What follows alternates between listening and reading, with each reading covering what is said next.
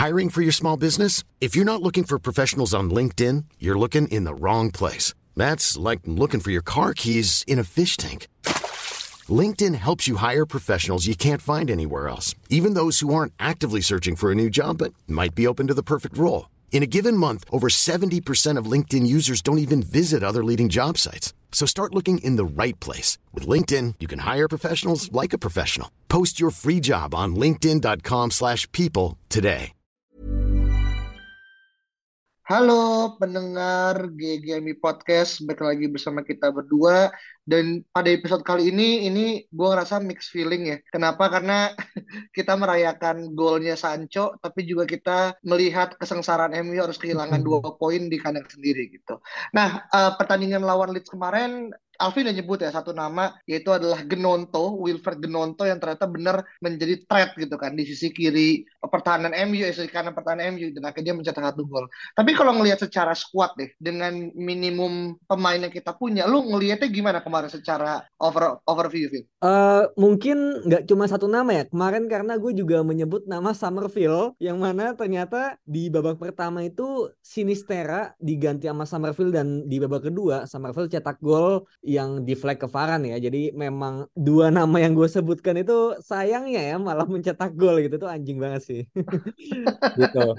Nah, cuma kalau misalnya balik ke pertanyaan lo masalah squad, memang itu sangat mengkhawatirkan ya ketika kita udah kehilangan Erikson, Donny van de Beek, kemudian Scott McTominay dan juga Casemiro secara sekaligus gitu. Dan kebetulan kita lagi di dalam jadwal yang sangat padat. Itu juga uh, di preview kemarin ya, itu kan juga sempat kita bahas juga ya bagaimana apakah lini tengah MU ini bakal bisa gitu menahan gempuran gitu. Dan memang waktu itu kita juga mungkin cukup pede ya bahwa MU ini bisa sebetulnya dengan duet double pivot Fred dan Sabitzer gitu. Cuma memang pada akhirnya semalam yang kita lihat sepertinya nggak segampang itu gitu loh. Nggak segampang itu lo menggabungkan dua pemain yang mungkin nggak pernah main bareng tiba-tiba jadi satu dan kemudian menghadapi Leeds yang baru aja pelatihnya tuh dipecat. Yang mana kalau kita tahu sendiri ya pelatih yang dipecat itu biasanya timnya itu tiba-tiba mana semangat banget. Kayak waktu itu Aston Villa tiba-tiba ngalahin kita. Waktu itu pelatihnya udah ganti sih, udah jadi Unai Emery dan gue pas tahu Jesse March ini dipecat, gue kayak wah anjing nih gitu. Kenapa pas banget mau lawan MU dipecat kan? Padahal kalau misalnya dipecat, gue yakin banget itu mainnya masih ancur-ancuran pasti gitu. Dan sayangnya memang ternyata yang menangani Leeds ternyata ada dua nama yang pernah ada di MU ya beberapa bulan yang lalu. Itu Chris Armas sama Ewan Sharp gitu yang itu kaki tangannya Rangnick kan. Jadi memang mereka tahu betul tentang kekuatan dan kelemahan beberapa pemain MU dan itu sangat diekspos oleh mereka. Ah sih. Ini semacam kayak apa ya? Balik rumah ya untuk dua nama ini gitu. Terutama hmm. mungkin yang kita familiar bahkan Chris Armas ya karena ya dia kan disebutnya airpodsman kan. Head lasso kan. Iya kan head lasso bener. Dan kemarin benar-benar menjadi suatu apa ya? Ini kan sebenarnya kan baik lagi ya pertandingan ini kan seharusnya terjadi di tahun lalu kan. Dan yeah, yeah. karena uh, apa namanya kematian dari Queen Elizabeth yang akhirnya harus menunda kalau nggak salah dua mingguan ya match MU yeah. termasuk adalah salah duanya Leeds dan juga Crystal Palace yang uh. ternyata ujungnya kita hanya mendapatkan satu poin dari kedua yeah. pertandingan tersebut gitu. Betul, ini dua pertandingan tunda kita malah kita seri secara apa ya dramatis gitu loh yang harusnya kita menang malah kita kehilangan poin kan. Jadi mungkin agak ngeselin juga kayak eh coba waktu itu kita tetap bermain gitu, at least satu pertandingan gitu karena gue inget banget waktu itu tuh tim-tim lain tuh cuma ditunda satu match doang cuma kita doang yang ditunda itu sampai dua match gara-gara MU Leeds kan cukup panas dan waktu itu kepolisian tuh lagi fokus ke London untuk uh, apa meninggal Queen kan. Jadinya kepolisian ini udah nggak cukup lagi buat ngejaga MU Leeds. Makanya akhirnya ditunda. itu itu kayak iya. kayak juga nih alasannya. Iya ini jadi emang burden on MU ya. Dan kemarin kalau kita lihat secara squad ya, ada satu nama yang akhirnya kembali ke starting eleven ini itu adalah Diogo Dalot gitu kan. Dan hmm. sebenarnya dia juga udah hampir berminggu-minggu sudah ikut latihan, tapi karena mungkin proses transisi dan akhirnya kemarin main gitu. Dan kalaupun gue melihat ya, ada beberapa hal yang selain daripada asis ya, ini kita put aside emang ya Dalot being Dalot aja seperti biasa, tapi ada beberapa kipas Dalot yang akhirnya hampir membuahkan suatu uh, malapetaka gitu kan. Dan gue nggak tahu apa yang terjadi pada Dalot ya, apakah karena apa namanya pembiasaan lagi karena mungkin udah lama nggak main. Ya. Tapi alasan apa yang akhirnya lu ngelihat Ten Hag lebih memilih Dalot ketimbang AWB yang sekarang permainannya mulai menanjak bahkan dari last match-nya menurut gue cukup pemain bagus gitu. Nah, menurut gue kenapa Diogo Dalo ini dipilih sebenarnya sesimpel karena um, yang yang pertama dia udah pulih, kedua dia butuh game untuk uh, mengembalikan match fitnessnya dan ketiga ternyata Wan Bisaka ini lagi sakit gitu yang mana nggak tahu ya kayak lagi banyak banget yang sakit kayak Wan Bisaka kemudian kemarin juga ternyata Sancho juga habis sakit juga. Dan inilah mungkin satu hal yang gue nggak tahu apakah ini blunder atau enggak gue nggak bilang Dalot jelek gitu cuma memang ketika kita menghadapi pemain sayap yang cepat gitu memang sebetulnya dari zaman Ole pun kita lebih kita prefer Wan Bisaka kan. Kayak misalnya menghadapi Sterling menghadapi pemain-pemain yang lincah seperti mungkin Martinelli itu Wan Bisaka lebih oke okay gitu sebetulnya Dalot pun musim ini oke okay gitu loh. Bahkan jauh lebih oke okay daripada Wan Bisaka. Dari sisi defending ya udah lebih improve daripada musim lalu Dalot itu sendiri. Cuma memang problemnya adalah karena memang dia ini baru banget kembali dari cedera gitu setelah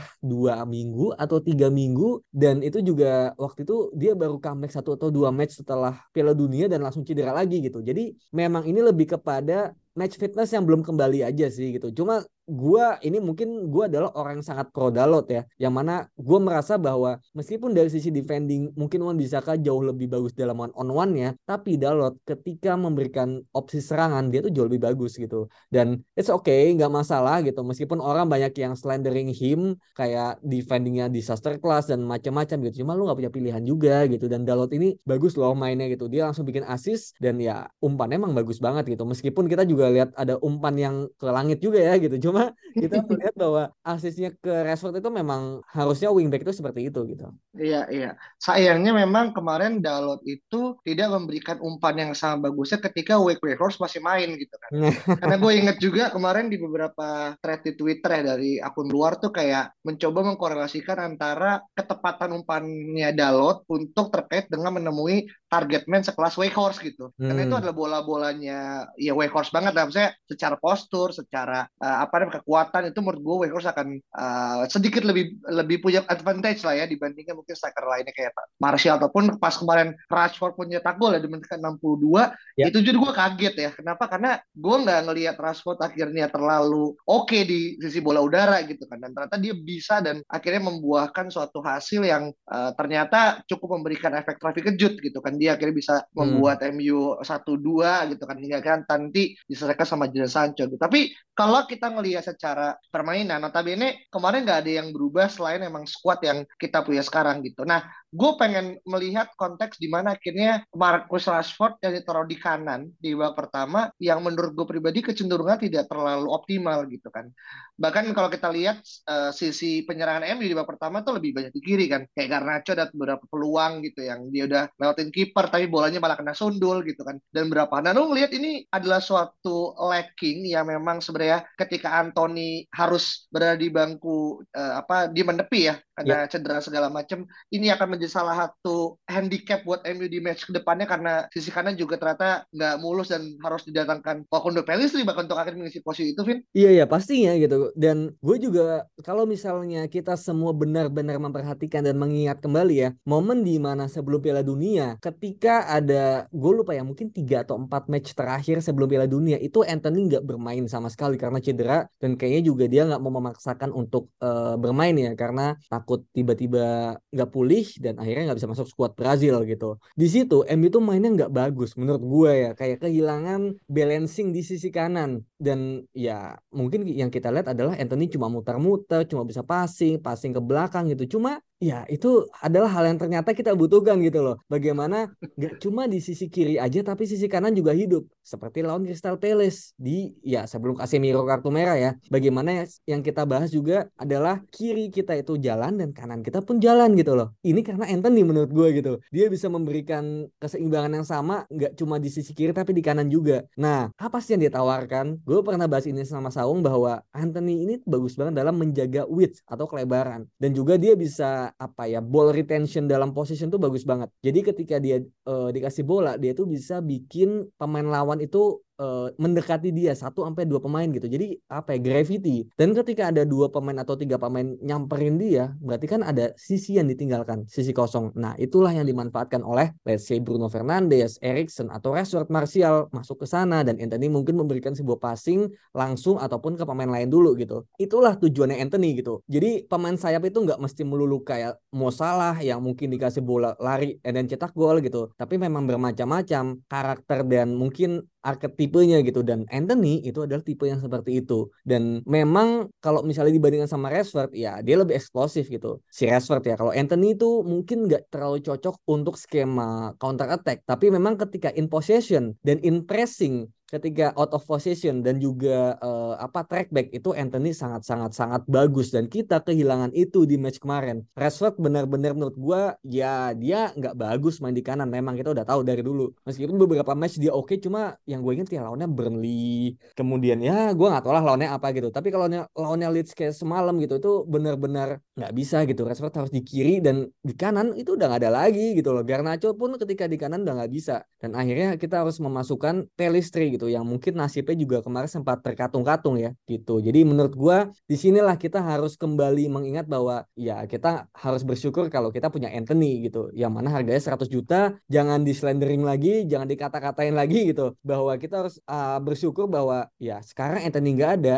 ya sisi kanan kita mati gitu dan kemarin sama sekali nggak jalan gitu. Dan ketika Rashford dibalikin ke kiri kemudian ke tengah, ya Rashford jauh lebih bagus di sana gitu. Dan mungkin gue mau nanggepin yang lu bilang tadi ya, kenapa Dalot nggak umpan nggak melakukan banyak crossing gitu ketika masih ada Weghorst. Kalau misalnya kalian semua nonton ya, setelah Leeds itu mencetak gol kedua, setelah 2-0 Leeds itu udah nggak pressing lagi mainnya, langsung mundur, langsung sit deep. Nah, ketika Leeds ini melakukan sit deep, drop back ke belakang, di situlah MU akhirnya punya kesempatan untuk pegang bola lebih lama. Itu bedanya. Dibandingkan sebelum 2-0 itu Leeds masih high press. Yang mana ketika Leeds melakukan high press, MU itu nggak bisa keluar dari sana karena nggak punya Erikson, nggak punya Casemiro, yang lo punya Fred, yang kalau misalnya di press dikit ya panik, salah oper, mungkin juga kelamsi juga gitu. Jadi kalau pertanyaannya kenapa nggak pas ada Weghorst ya kebetulan Weghorst ini main ketika Leeds ini masih high press, jadi bola tuh nggak nyampe ke dia, mau crossing pun nggak bisa, nyampe tengah lapangan aja susah, duel aja kalah mulu gitu sih menurut gue.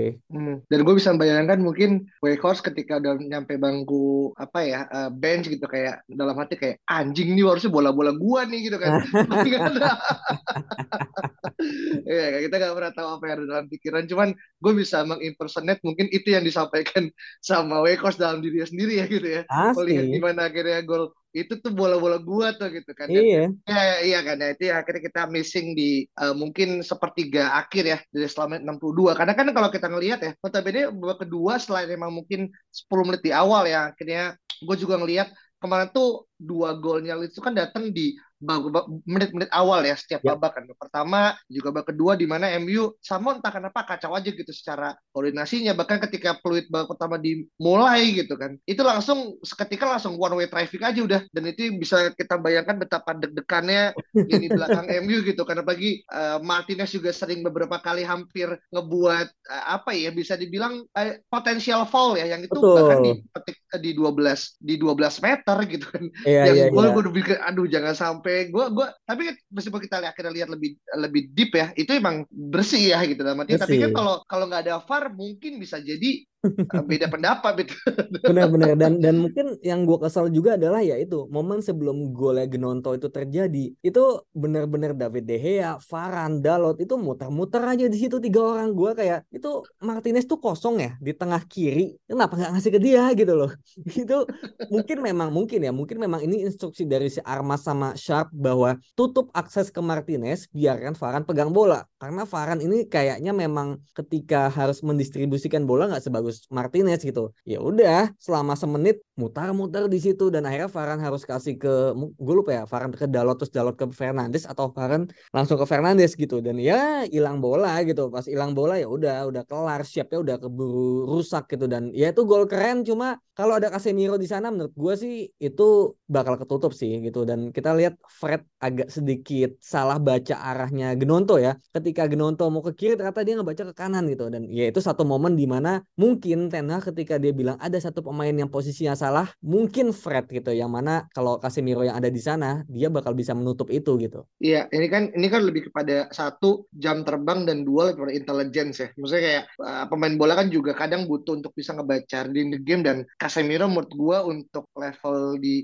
Liga Inggris dari 20 pertandingan, menurut gue he's sort of the best lah ya untuk terkait dengan coverage area dan juga bagaimana dia bisa ngebaca arah dan segala macam. Dan kemarin benar-benar kehilangan dan ya udah gitu kita siap siap menerima uh, konsekuensi dan akhirnya kemarin kita harus gagal ya untuk bisa memberikan pressure ke City kan yang akhirnya kemarin juga sempat kalah gitu. Jadi ya, ya udahlah ya uh, satu poin. Tapi terakhir ya sebelum akhirnya mungkin kita uh, menutup sebagai suatu gambaran kembalinya Jadon Sancho ke performa dia gitu kan. Dan itu dengan satu gol yang cukup manis ya ala ala ya gue rindu banget melihat link up play-nya Sancho dan juga Luke Shaw yang kemarin yeah. sempat terjadi dua sampai tiga kali gitu kan. Dan dua kali Fred tendang uh, tapi uh, ini tapi ini pada saat kemarin gol Sancho uh, ada suatu hal yang menurut gue cukup berbinar-binar meskipun kita berharap kayak kemauan buruan bola taruh tengah tapi gue merayakan gol Sancho as in dia udah tiga bulan gitu nggak main bola gitu kan hmm. bahkan ada yang bilang kemarin uh, Sancho udah tiga bulan off lebih cepat mencetak gol dibandingkan Modric ataupun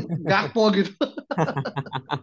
Kira-kira mungkin udah lama nyetel dan segala macam. Nah lu melihat kembalinya Jadon Sancho ke squad dan bahkan mencetak gol dan diiringi dengan senyum sumringah Ten Hag yang seolah melihat anaknya atau apa didikannya akhirnya berhasil menciptakan pembeda. Apa yang lu bisa lihat dari sini Vin? Wah ketika Sancho mungkin di bangku cadangan aja gue bingung gitu kayak wah ini kenapa di cadangan ya? gitu. Padahal kemarin udah sempat main lawan uh, gue lupa ya lawan apa Nottingham ya dan ya cukup oke okay, gitu. Lawan Palace nggak main karena wajar lah dia juga uh, eh, MU juga lagi under pressure.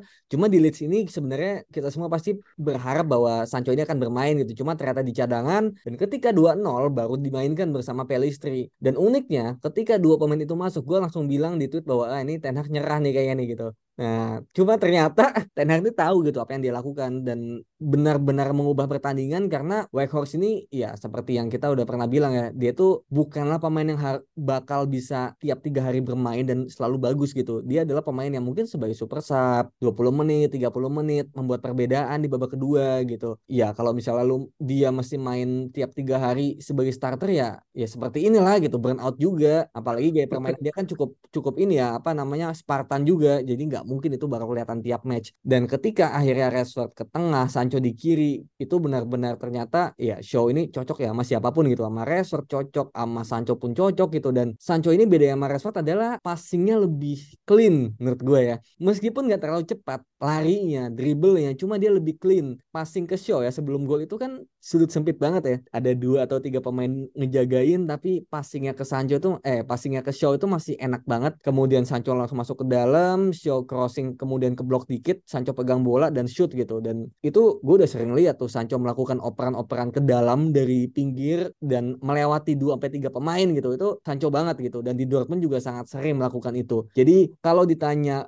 seperti apa perasaan gue ya pastinya sangat senang gitu apalagi selebrasinya sangat emosional mengikuti selebrasinya Rashford juga nunjuk kepala kemudian juga ya Ten Hag gitu yang mana senyum-senyum apa ya senyum bangga gitu kayak hmm ya ini emang hmm. kalau kata Ko Justin ternyata dilempar ke desa ini cukup berhasil ya gitu dilempar ke desa di Belanda gitu cukup berhasil gitu dan pun sangat senang bahwa berarti di next matchnya sepertinya dia udah bisa sebagai starter gitu karena karena ya mentality wise udah makin meningkat gitu dengan satu gol ini. Jadi ya nggak cuma bisa main di kanan ataupun di uh, mungkin nomor 10 agak kanan ya. Ternyata dia di kiri pun lagi oke okay juga gitu. Jadi memang ini adalah kayak kita lagi mengalami apa ya? Mungkin kayak pembelian di bulan Januari ya gitu. Ketika kita nggak punya siapa-siapa, nggak punya sayap, ya inilah pemain barunya gitu. Iya iya iya iya. Iya uh, pasti gue cukup yakin ya semua fans ini di seluruh dunia juga pasti merayakan kembalinya Sancho dan uh, tadi pun juga sempat menggunakan selebrasi Rashford meskipun ya ini dikotori dengan Genonto juga ngelakuin hal sama juga. Menganjing tuh orang. Iya. ini jadi merusak momen meskipun di gol pertama ya jadi dibalas kan bukan yang akhirnya ngelakuin seri segala macam. Tapi dari hasil kemarin ya itu secara langsung memutus 13 kemenangan beruntun MU di kandang itu harus pupus gitu kan dari Leeds United. Dan meskipun kita hampir kalah ya dan hampir uh, melepaskan tujuh tahun MU nggak pernah kalah lawan Leeds tapi untungnya akhirnya kemarin sempat disamakan. Dan sebenarnya kemarin tuh gue expect sundulannya Varan ya uh, umpan dari kalau nggak salah Bruno ya dari samping yeah. kanan kan itu masuk ternyata Miliar juga cukup responsif kan dan ya intinya sih kemarin banyak hal-hal yang akhirnya harusnya kita bisa mencuri satu gol di babak pertama dan babak kedua dengan apa yang kita akui dan kita masih bisa menang tapi ya well uh, sepak bola adalah sepak bola dan kadang beberapa hal emang benar-benar momentum base ya itu akhirnya yeah, yeah. bisa dan, kembali segala. Iya yeah, dan by the way Fred mainnya jelek parah ya harus di highlight juga itu ya gini yeah, karena Fredman jelek ini sebetulnya apa ya? Mungkin agak expected gitu. Karena uh, banyak yang mungkin nggak sadar bahwa Fred ini bukan DM dan dia tuh butuh seorang shield gitu loh di belakangnya itu Casemiro gitu. Dan only Casemiro yang bisa melakukan itu. Yang bisa bikin Fred main bagus bisa bermain bebas ke depan dan tanpa ketakutan gitu. Dan ketika Casemiro nggak ada ya dia sendirian gitu loh. Kayak misteri sama Sabitzer tuh bingung gitu kayak siapa yang harus ada di DM gitu kayak belum ada gitu. Sabitzer pun juga bukan DM kan gitu loh. Kayak mungkin instruksi Ten Hag adalah pokoknya pokoknya kalian atur gimana caranya kalau Fred maju ya Sabitzer mundur gitu. Dan juga sebalik ya gitu kan. Dan ternyata nggak bisa gitu. Literally 20 menit awal itu dihabisin tuh mereka berdua tuh. Gue kayak oh di body abis-abisnya lu lihat kan Sabitzer di body sampai jatuh kan apa yang nggak bisa bangun lagi kan? Iya.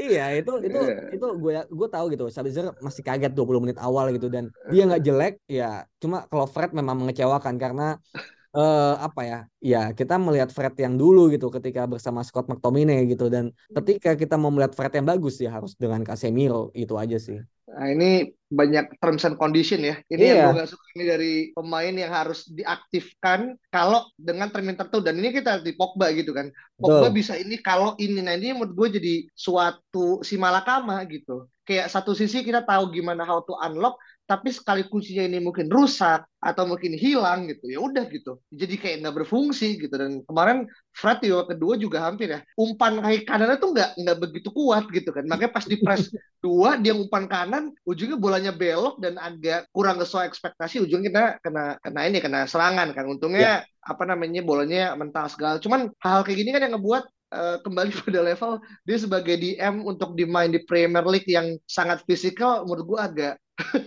oh, apalagi taruhnya di iya kan apalagi taruh di bagian kanan lagi kayak iya kan dari yang sisi kiri tapi dia mundur eh, mau terbalik yeah, yeah. badannya kan mau nggak mau kan pakai kanan dong nggak mungkin yeah, dia kayak yeah. kiri segala macam itu kemarin kan kejadian oh, dan mungkin gitu. yeah. iya kan itu di, di Twitter tuh banyak banget ini ya apa namanya uh, followers GGMI ya mungkin bukan mungkin ya tadi udah sempat mention-mention ke GGMU kalau Fred ini memang kelasnya bukan kelas MU dan emang gue setuju sih. iya, kelas-kelas Shakhtar. iya iya iya. Iya itu ya kadang gue tuh suka bingung Fred tuh adalah tipe pemain yang momentum base ya. Kadang dia nyetak gol gitu kan lewat cara-cara yang mungkin ajaib ya. Ada yang nyetak pakai paha lah gitu kan kemarin kan. Ada yang dia shoot juga. Tapi kadang satu sisi ya tahu juga kualitas dia ya segitu segitu aja gitu makanya kalau dia bermain bagus kita Herman gitu kan ya kalau dia main bagus ya kita tahu kalau ya iya. udah kasih Niro gitu aja gitu iya. ya udah udah udah ketahuan lah ada Casemiro yeah. kemudian Fred mungkin main di babak kedua itu most likely bakal bagus dan bisa bikin gol atau assist gitu. Tapi kalau main yeah. dari awal kemudian gak ada Casemiro ya ya wassalam lah ya gitu. Dan itu sebenarnya sama aja kayak Garnacho sih menurut gue gitu. Mungkin satu pemain terakhir yang uh, permainannya mungkin gue agak bingung gitu kayak kenapa di Twitter banyak banget yang ngehajar dia ya secara mungkin kalimat gitu ya. Karena 18 tahun main gitu what do you expect ya kan? Kayak hmm masih 18 tahun pengambilan keputusan masih sering salah dan itu sangat wajar gitu. Kayak gua aja nggak nggak expect bahwa dia bakal banyak bermain di musim ini gitu. Dan udah nggak ada pilihan lagi menurut gua kemarin. Cuma memang ya ada momen di mana dia harusnya mungkin bisa oper ke Horse tapi enggak. Kemudian tendangannya juga melenceng. Kemudian dia juga sangat dimatikan sama Luke Ayling ya bagaimana sering banget di tackle ya it happens menurut gue dan memang Garnacho juga menurut gue lebih pas untuk main di babak kedua membuat perbedaan seperti ketika lawan Palace dan juga lawan City. Hmm. Iya, dan dia kan juga yang diincar kan tenaganya ya. Maksudnya yeah. ketika pemain juga udah mulai dan Emi kan megang bola ya. Kalau misalkan dalam konteks yang uh, ini ya, yang objektif ya. Ya ketika orang eh, ketika lawan akhirnya harus mengejar bola kita kan notabene secara energi kan jauh lebih terkuras ketimbang uh, ketimbang tim yang akhirnya lebih menguasai bola gitu. Karena ketika udah segala macam, nah di situlah akhirnya uh, Garnacho masuk kan untuk akhirnya bisa mengobrak-abrik dengan uh, skill dan uh, agility dia gitu kan. Ya itu memang dan kita nggak bisa expect semua lawan kayak Nottingham Forest ya gitu kan. Atau, atau reading yang dia bisa ngelewati satu dua main nge-shoot segala macam itu menurut gue ya kita nggak akan pernah ketemu di setiap saat gitu. Itu yang mungkin perlu ekspektasinya terlalu perlu direndahkan lah untuk pemain uh, 18 tahun ya. Dan menurut gue sih uh, di mus di di apa ya di musim ini kalau misalkan nggak ada halang rintang ya, uh, gue sih cukup yakin Kadoco akan dapat yang player of the season mungkin ya kalau ada dan uh, gue sih menurut gue sih dia deserve ya untuk mendapatkan regardless mungkin harus dibebankan satu dua hal segala macam. Nah mungkin itu ya pembahasan tentang uh, Leeds dan mungkin kalau teman-teman punya pendapat berbeda silahkan tulis di kolom uh, tweet di Twitter dan jangan lupa untuk follow dan support kita di Spotify dan kita ketemu lagi pada kesempatan bye bye Planning for your next trip? Elevate your travel style with Quince. Quince has all the jet-setting essentials you'll want for your next getaway, like European linen, premium luggage options, buttery soft Italian leather bags, and so much more. And is all priced at 50 to 80% less than similar brands. Plus, Quince only works with factories that use safe and ethical manufacturing practices. Pack your bags with high-quality essentials you'll be wearing for vacations to come with Quince. Go to quince.com/pack for free shipping and 365-day returns.